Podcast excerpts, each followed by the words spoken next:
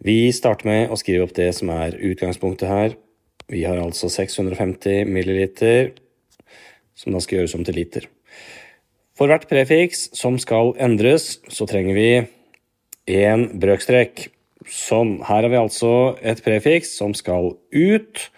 Så trenger vi én brøkstrek. Og vi deler på det som skal forkortes bort, her da milliliter.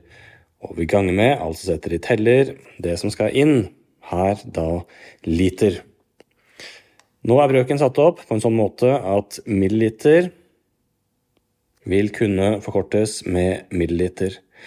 Men denne brøken har vi kun lov til å gange med dersom den er én, dvs. Si at teller og nevner må være like store. Milli betyr altså en tusendel, så hvis vi ganger nevner med 1000, så står det egentlig liter i nevner. Liter i nevner og liter i teller, like stor nevner og teller, det betyr at brøken totalt sett har verdien 1. Og den er satt opp på en sånn måte at milliliter kan forkortes mot milliliter, og vi står igjen med liter, som var det som vi ønska oss.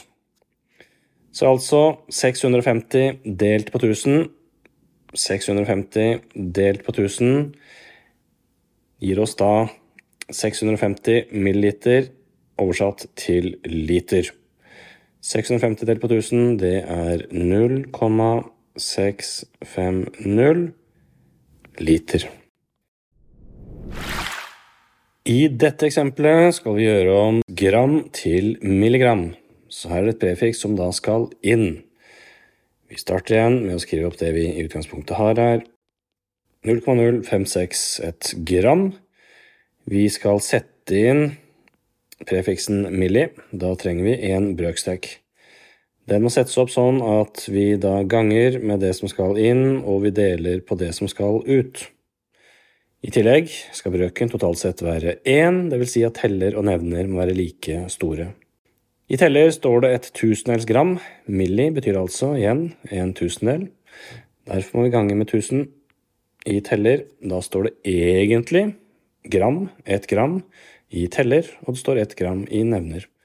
Og vi kan da forkorte gram mot gram, gange 0,0561 med 1000, og da får vi det vi ønsker oss, altså uttrykt i milligram.